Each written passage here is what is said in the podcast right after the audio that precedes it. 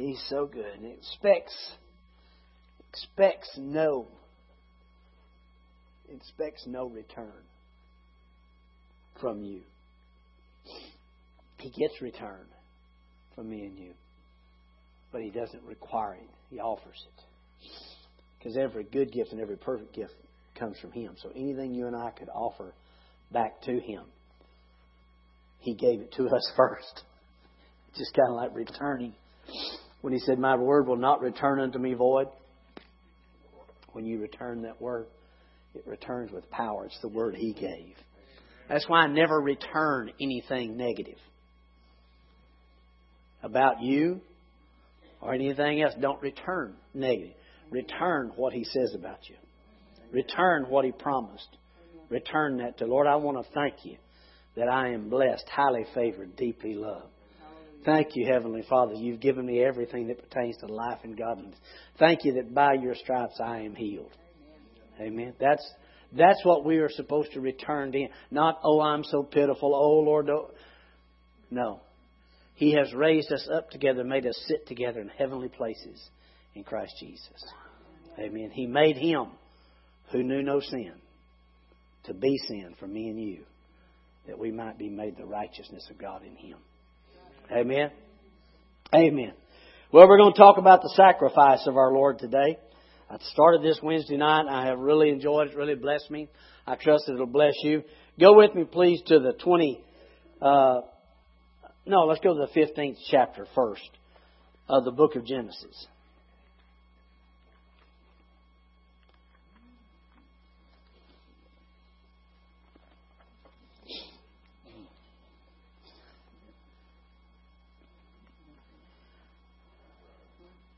Genesis chapter 15. Man.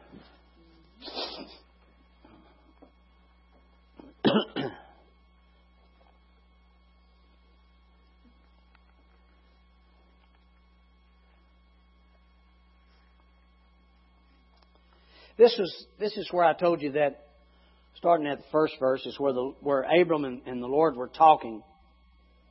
And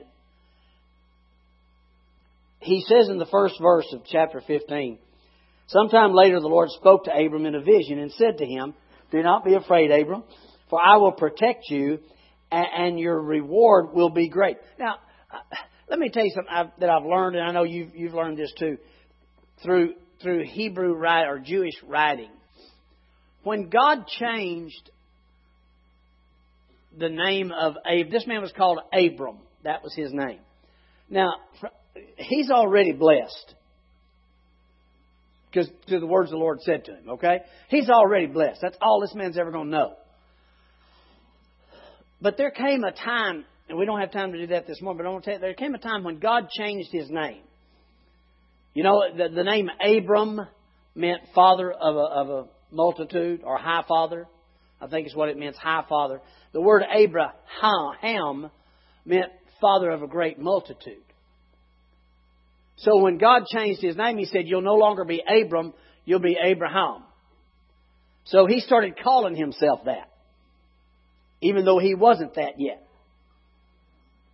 God spoke to his heart, so he started saying it. All right? Sarai was his wife. God changed her name too. And she went from being Sarai to Sarah. Alright?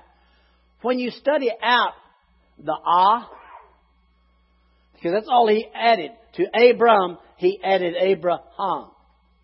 Sarai, he added Sarah, the ha. The ha it means the grace of God. All right, so when God put the ha on them, they were already blessed. But He put His grace abundantly on them.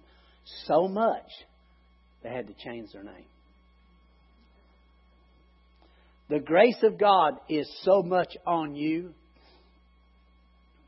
it changes your name.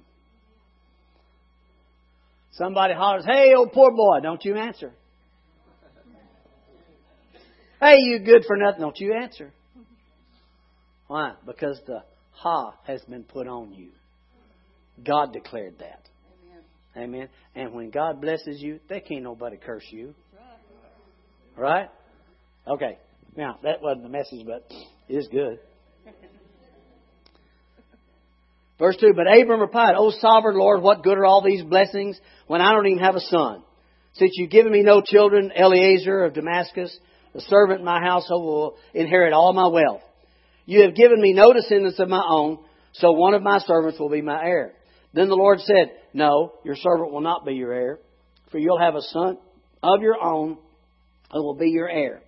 Then the Lord took Abram outside and said, Look, up into the sky. It's a, no, so y'all missed that joke right there, didn't you? Where was that going? What was going to come? It's a bird. It's a plane. No, no, no. Look up into the sky and count the stars if you can. That's how many descendants you'll have. Well, I mean, come on. Strange visitor from another planet who came to earth with powers and abilities far beyond those of mortal men. Come on. Who are we talking about here, okay? And who disguised as Clark Kent, mild mannered?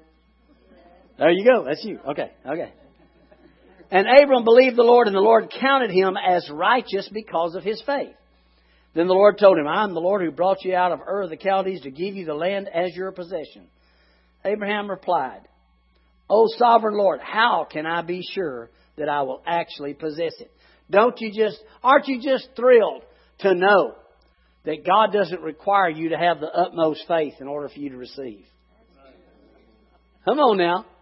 Now, the just shall live by faith. That's how we receive. I understand. But there are times when you just, you're like that guy whose son needed to be healed and he brought him to Jesus' disciples and they couldn't do it, you know? And, and the Lord, he, he said, Lord, if you can do anything about our situation, please do. And Jesus looked at him and said, if I can. that's exactly what he said. If I can. Well, all things are, he said, now if you can believe, all things are possible to him that believes. Yeah? Well, the man said, Lord, I believe. And then he said, uh, Lord, would you help my unbelief? What did Jesus do? He healed the boy. He helped the man's unbelief, right? That helped me. That helps my unbelief real big. When I know I don't got it and Jesus shows up with it, that helps my unbelief really big. Changes everything. So don't put so much pressure on yourself. The one when he said all things are possible to him that believes, the man standing there didn't have all the faith, but the one he was looking at did. Amen. So always depend on the one you're looking at, not you. All right. So this is what took place here. Abram didn't exactly believe, but God God didn't give up on him like maybe they've told you in your church before.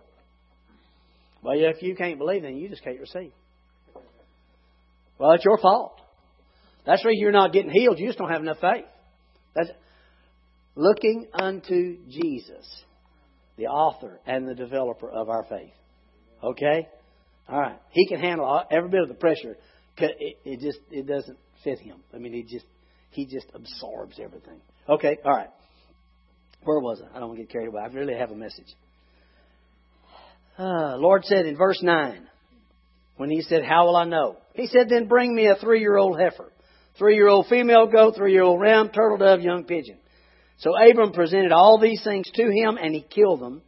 Then he cut each animal down the middle. He laid the halves side by side. He did not, however, cut the birds in half.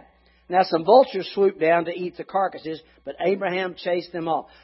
You don't know how many messages I've heard on chasing the vultures off. It was all about chasing the vultures off. If you don't chase the vultures off, they're going to uh, eat up everything you've got. Every blessing God would send you if you don't chase the vultures off. If you don't keep the vultures, it's up to you It's only one line. Okay? Let's don't get too carried away when all the rest of this is about what God's doing. Don't, bless our darling little hearts, let's don't just jump off on that one little line we're supposed to do. Because without Jesus, you can't do it anyway. Alright? So just chase the vultures off. Well, how you do? I don't know. Say shoot. So, shoot. Just whatever. Come on now, I'm not the only one that looks minutely at the things I'm supposed to do. Knowing full well if I don't do them perfectly and totally and completely, I won't receive nothing. Some of y'all grew up in church like I did. You know what I'm talking about. Okay. As the sun went was going down, Abram fell into a deep sleep.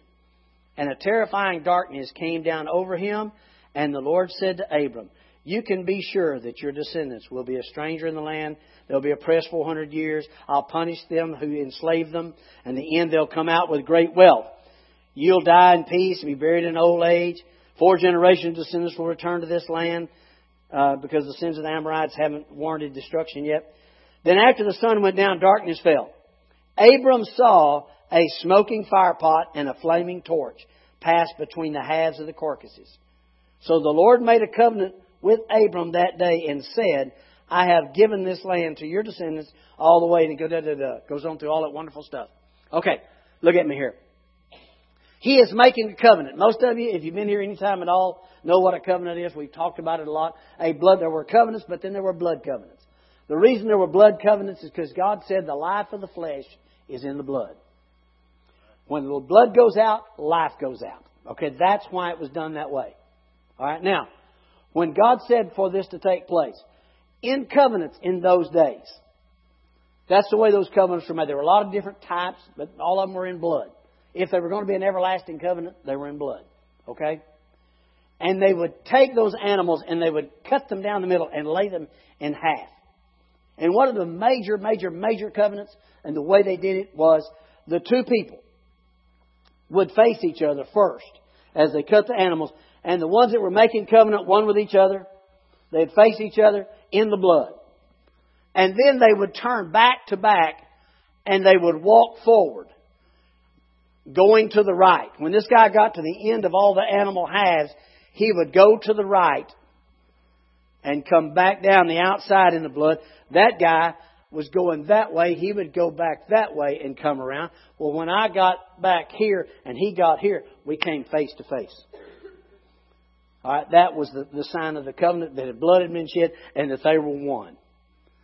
Now, the problem with this is Abram went to sleep. It said a great horror of darkness came on him, and he went to sleep.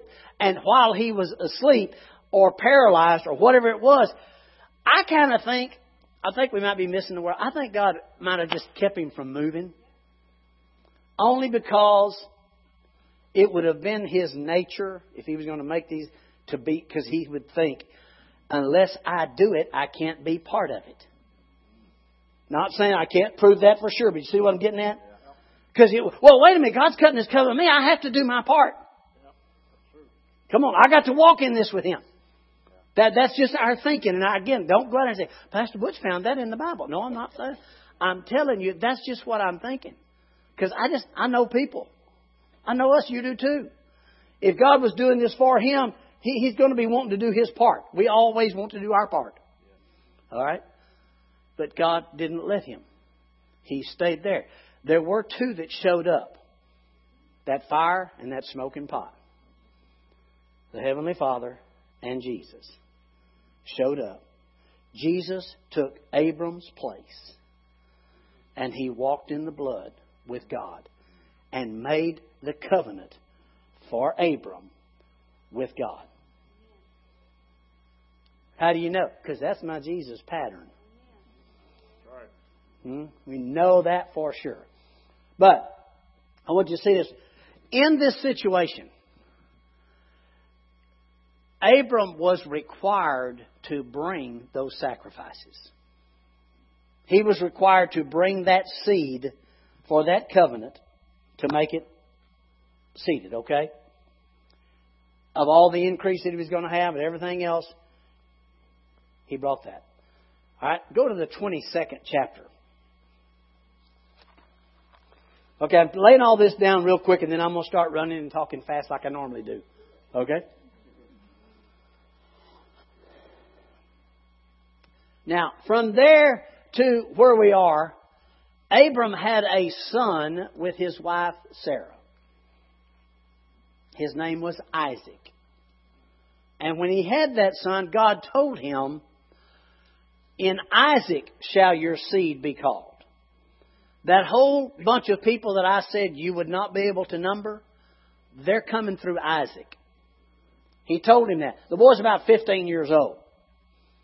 So when he's about 15 years old and Abram knows that he is the answer to everything God promised him, this is what God says to him. 22nd chapter. Sometime later, God tested Abraham. The actual word there is to prove, or uh, it's the same word we use, adventure. God gave Abraham an adventure. Yes, he replied, Here I am. Take your son, your only son. Yes, Isaac, whom you love so much. Go to the land of Moriah. Go and sacrifice him as a burnt offering on one of the mountains which I will show you.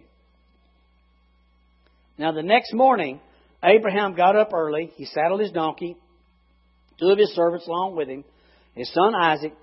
He chopped the wood for the fire, for a burnt offering, set out for the place God had told him about.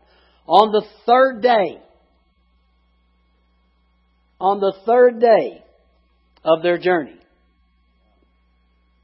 let me tell you something. As far as Abraham was concerned, that boy had been dead for three days. He wasn't taking him up on that mountain and then deciding. That boy was dead when God said offering. So for three days, his son was dead. At the end of that three days, they arrive at the edge of Moriah is a mountain range. Okay? It's not just one mountain. Moriah is a mountain range, and it ends up the highest hill of all in that region. Well, it's at the, at the end of that, and that highest point is a place called Golgotha. It's, it's the highest point of the Moriah mountain range. I, I can't believe he's going to offer him anywhere else. All right? The reason that was called Golgotha was because it was the place they ended up burying Goliath's head there. They dug down and put it in because it was the place of the skull. That's where David went to kill Goliath, and later on they took the head. All right, so it was the place of death. All right. So God tells him to bring his son. He brings his son up to Mount Moriah to get ready to offer him in sacrifice to God. Now, uh, so Abram, verse 6. So Abram placed the wood for the burnt offering on Isaac's shoulders, while he himself carried the fire and the knife. As the two of them walked together, Isaac turned to Abraham and said, Father, yes, my son, Abraham replied. We have the fire and the wood, the boy said, but where is this? This says sheep. I, I don't. I like King James better on this one. It says lamb. Okay, where is the lamb for the burnt offering? God will provide. This says a sheep for the burnt offering, my son. King James says, God will provide himself a lamb. All right. Now, I'm going to I'm going to jump forward because I don't want to take up too much time, but I do want you to see this. Uh, that's the first time in in this in in the Bible that you will see God will provide. Okay. In the first offering that had to do with Abraham's increase, the, the Jewish nation, and everybody else, all these other things, Man provided the offering. Man provided the sacrifice. It was up to him to do that. Okay? On this instance, man thought he was providing the sacrifice. But when he got there and he started to kill that boy, the angel spoke out of heaven and said, Don't touch him in any way. And when he did, they turned and there was a ram hung in the bushes. Abram went and got the ram, brought him out, sacrificed him in that situation. All right? It wasn't a lamb, it was a ram. Are you with me? God provided the sacrifice good enough.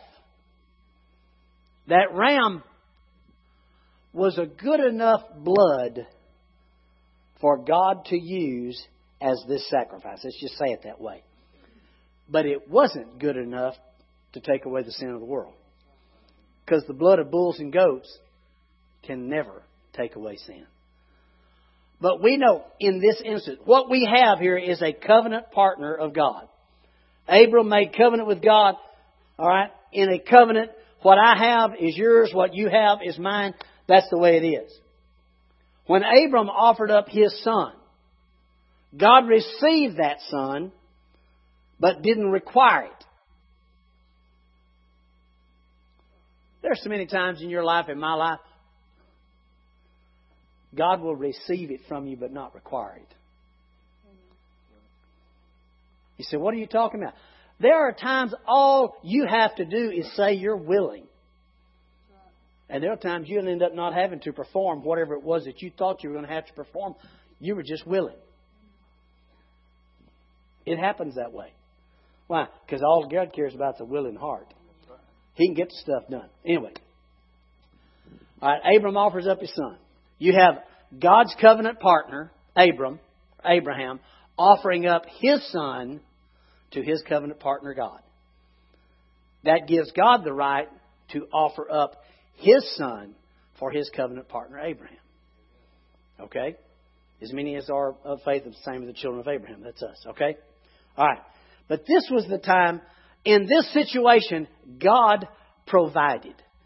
This was the covenant that represented the Lord Jesus Christ. Here's God's covenant partner offering his son to God. All right? So in that situation, God provided the offering.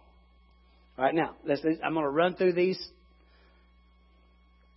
From here on, what you will see. Remember the uh, when the children of Israel were in Egypt and they were about to, the, the, the, God's judgment was about to come on Egypt. The death angel, or what they call him, was coming through to kill all. All right. God told them, He said, go get a lamb. You kill that lamb, right? You roast that lamb. You take the blood of that lamb and you put it on the sides and the, and the top of the doorpost. And when I see the blood, I'll pass over you. That's, that's how it worked, right? They had to go get the lamb. When they left Egypt and went to the wilderness, the sacrifices that would be done, they had to bring. They had to provide it. When the law was given, then it really started getting heavy. I mean, there were sacrifices for everything you could imagine. Some God put in there and some they put in there.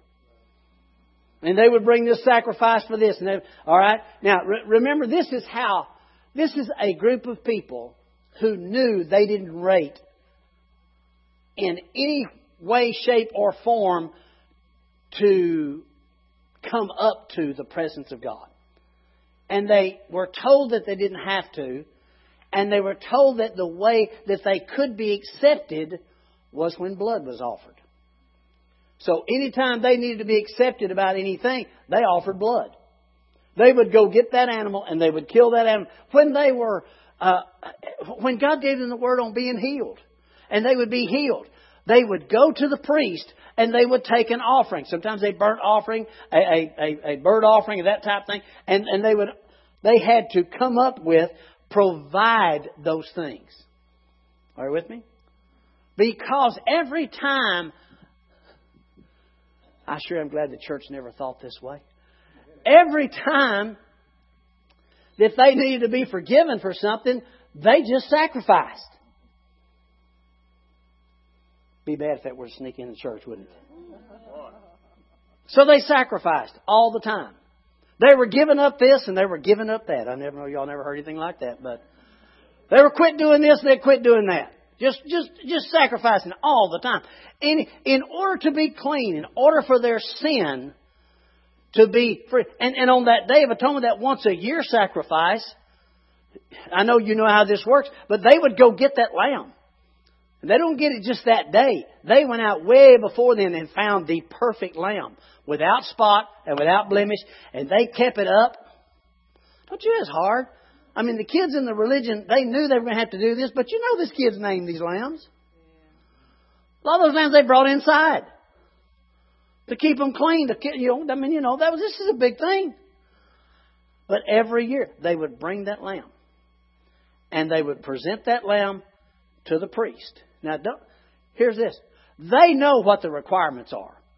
When you present that lamb to the priest, it better be spotless. It better not have a blemish. We don't, you know, we're not going to take the one with the hurt leg and with the ear that goes like that. It's got to be perfect. It has to be. So they watch over this thing. Look, I mean, what could be worse than you taking your sacrifice to the priest to be forgiven for, for the years of sins ahead? And the priests say, This one's not this is not acceptable. This one's not good enough. Oh, that's that's a bad deal there. So these people, listen, their entire life was spent working on this lamb. About the time they got that one done, you know, and here the year passes by and all these things, and they've already offered every kind of sacrifice you can think about for everything from forgiveness of sin to, to the healings to the uh, arguments to everything. They okay? They had to watch over this lamb and make sure it was perfect. Why? Because it represented the lamb for sacrifice. It represented what they would do. The priest would examine the lamb. If the lamb was perfect, then the people would lay their hands on the head of the lamb. And when they laid their hands on the head of the lamb, the sins of the people were transferred to the lamb. And the spotlessness of the lamb was transferred or reckoned to the people. Okay? This they did continually, all the time. This was a sacrifice that was always done, and without this shedding of blood, there was no remission of sin. Are you with me? So this is their life of doing this every and all the time, often their sacrifice. Sin could not be, okay? But every time they had to go get the lamb. They had to pay for it. They had to take care of it. They had to do everything to it. It was their responsibility. And if it didn't live up to it, it was their fault.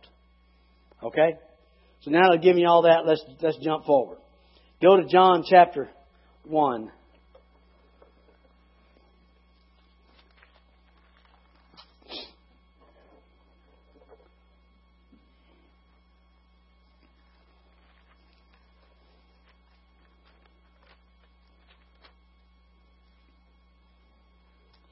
John chapter 1, we're going to use verse 29.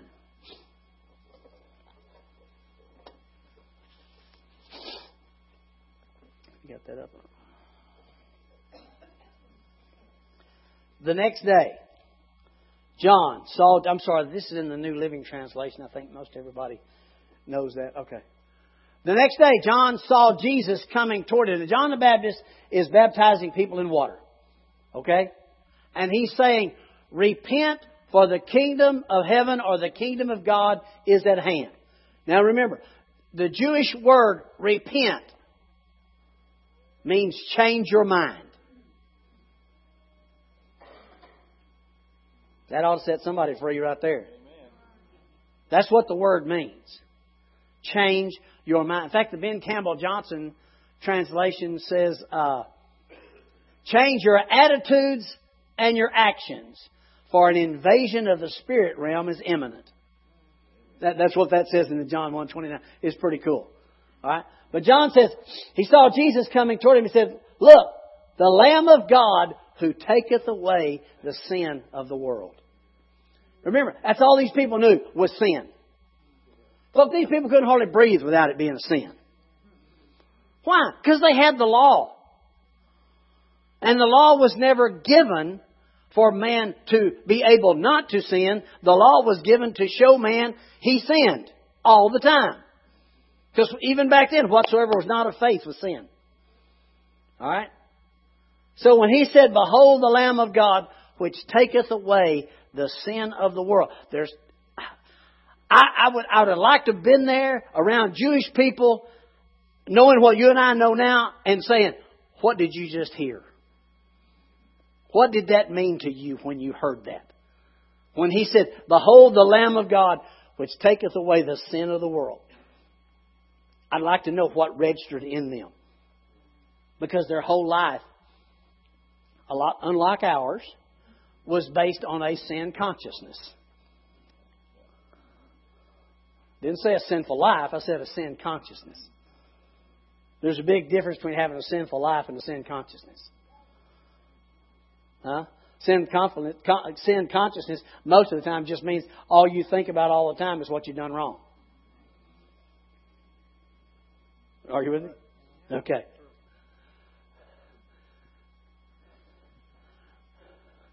There had to have been one kid in the bunch. Had to be. When he heard that, that looked at his mom and dad and said, You mean we don't have to go find that lamb anymore? We don't have to keep that thing. We don't have to make sure. We don't have to clean up after. We don't have to do all. Had to been one kid in the bunch that would have said that, okay? But what did they hear? Behold the Lamb of God which taketh away the sin of the world. See, everything they had done, all their efforts, had been to take away the sin. Now, I don't know, I hope they heard this. It took me a long time to hear this. He didn't say, Behold, the Lamb for the people. Behold, the Lamb of the people. Behold, the Lamb of the people. They can use this as a. He said, Behold, the Lamb of God. Everybody else had their lamb every year. This was not their lamb. This was God's lamb. Are you with me? You see what there's behold the Lamb of God. See what what people don't understand is how big a deal it is when God said, Y'all can't do this, get out of the way, I'm gonna do it for you. Amen. And when I do it, it's done once and forever. Come on. How better sacrifice? What sacrifice are you going to be able to give after the Lamb of God that's going to do anything that the Lamb of God didn't do? Nothing. Right? Behold the Lamb of God, which taketh away the sin of the world. Here's the cool thing. Our Jesus as he lived through, as we read it, Matthew, Mark, Luke, and John, uh, we call that the New Testament, part of the New Testament, or the, the New Covenant. Actually, Matthew, Mark, and Luke, and John are all about Jesus before he died, and then at the end, right, it's about his death, burial, and resurrection. But most everything you read in Matthew, Mark, Luke, and John is Old Testament. Jesus is the last prophet of the Old Covenant. He, he is, he's the one that fulfilled, right? It all, it ended with him. Because guys, we didn't just, we didn't have just an amendment. The New Testament is not an amendment. Okay? It is a new covenant. Totally and complete. The old one has passed away. The only thing you can get out of that old one is the blessing. The curse and the penalties and everything else have been removed. You can reach in there and get the blessing because the blessings of God are the same forever. All right? So Jesus being the last prophet of the old covenant, we watch Matthew, Mark, Luke, and John of him, and there'd be times when when it's so wonderful because when, when people, ignorant people like us, ignorant of, of Jewish law, when they'd come to Jesus and just need help, guess what? He gave it every time. When people came to him from the Jewish religion and gave him the law, he'd give the law right back to them. Except when the scribes and Pharisees came to him, they'd always give him the law watered down so that they thought they could live it. And then Jesus would tell them exactly what it meant, and then they realized they couldn't. You know, eh, right? Because they'd say, you know, thou shalt not kill, thou shalt not steal, thou shalt not bear false witness. And Jesus said, Whoa, let me tell you something. It's not just if you've done this in the flesh and acted it out, it's have you thought about it. If you thought about it, you're just as guilty as if you did it. They didn't know what to do with that because you can't water that down. All right. Anyway, again, that's another message, but it's good. Now, here's the last prophet of the old covenant, and up until that point, every time they needed sacrifice, every time sin needed to be forgiven, every time there was a needed to be a sweet smelling savor coming up to God uh, of, of a roasted lamb or what that, all right? Saying that everything is forgiven. Every time they had to go get that lamb. They had to provide it.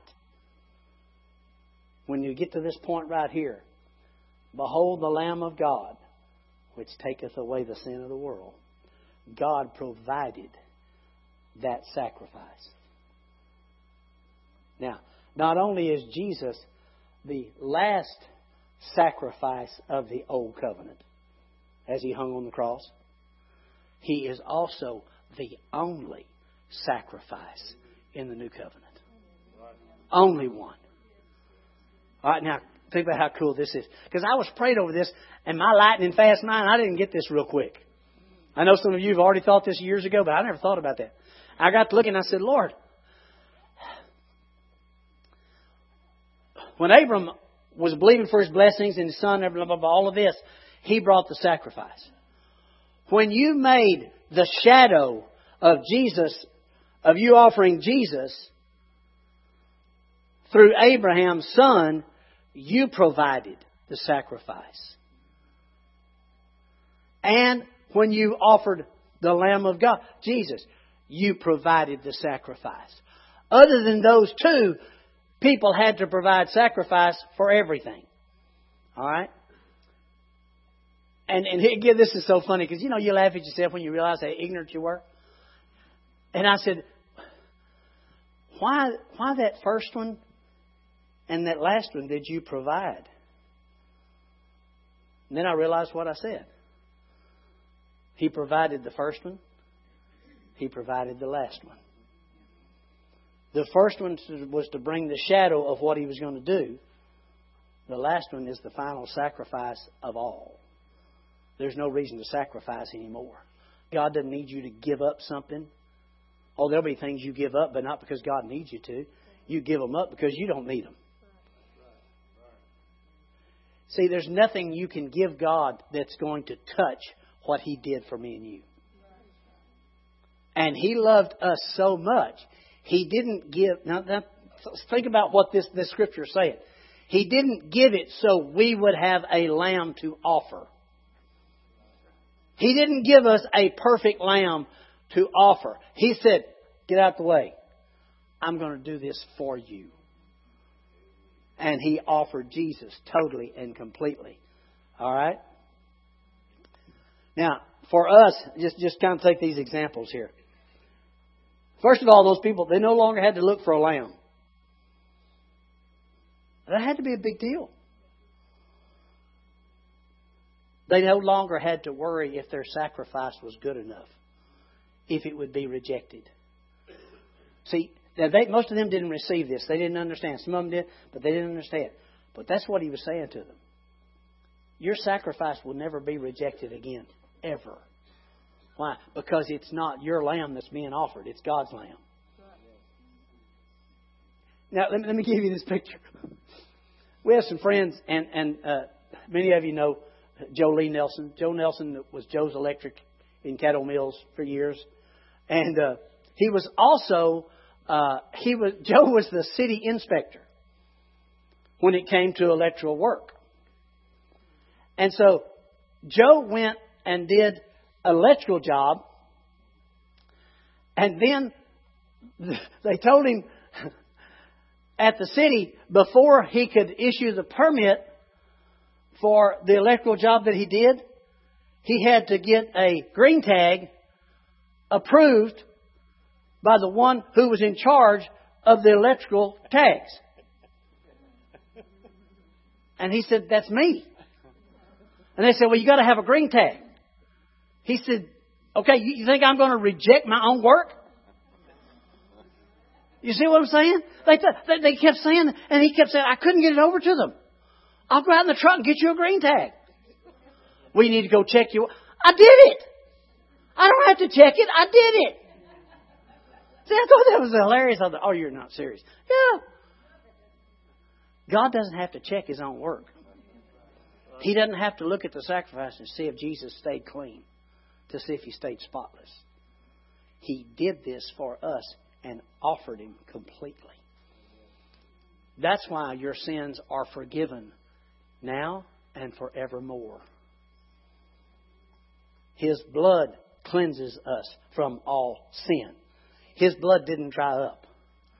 He sprinkled it on the mercy seat. It's there forever. It's not just why you're forgiven, it's why in here you don't want to miss it. It's why when you do miss it, you're aggravated at yourself. It's why you don't want to run around in sin. You want to run around in righteousness. Because that's who you are. It's also why when you do miss it, you should never feel condemned. There is therefore now no condemnation to those who are in Christ Jesus. Why? Remember, those other two verses were never there. That was added by a translator that thought that would be a good spot. The next verse that connects to that is There is therefore now no condemnation to those who are in Christ Jesus.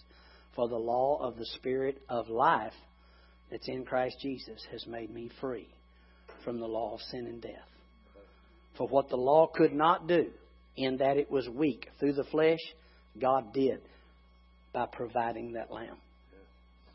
All right, let me let me finish it with this right here. Oh wow. Okay, we're going to stop it right here. We're not going to finish. Hebrews chapter 10.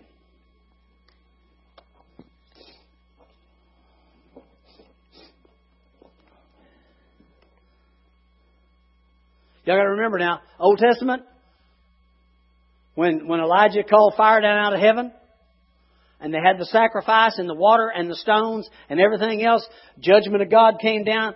It devoured the sacrifice. It devoured the rocks. It devoured the water. It devoured the wood. It devoured everything.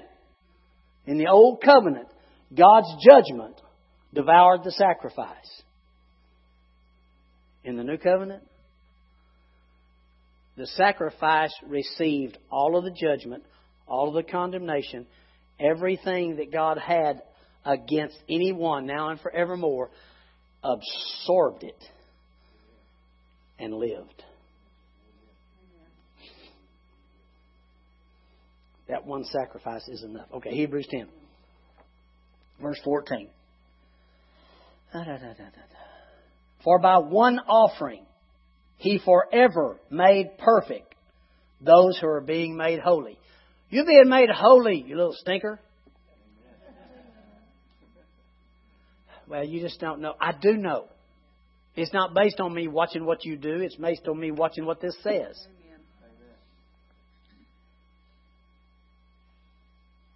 The Holy Spirit also testifies that this is so, for he says, This is the covenant I will make with my people on that day, says the Lord. I'll put my laws in their hearts and I'll write them on their minds. Then he says, I'll never again remember their sins and their lawless deeds. Now, look at this next one. And when sins have been forgiven, there is no need to offer any more sacrifice. You've been delivered. Why? Because He loves you. It's the only reason. Because He loves you. Well, how could He do that? Because He can. That's, that's it. So, since you've been redeemed and you've been delivered, there is nothing to stop you from receiving everything that Abraham received life, health, and prosperity. Everything. Why? Because the sacrifice that says, I have received it, has already been offered. You don't have to come up with anything else. All you got to do is believe. Amen? Well, if you're here this morning and you do not know the Lord Jesus Christ as your Savior, He is the Lamb of God that taketh away the sin in your life, past, present, and future.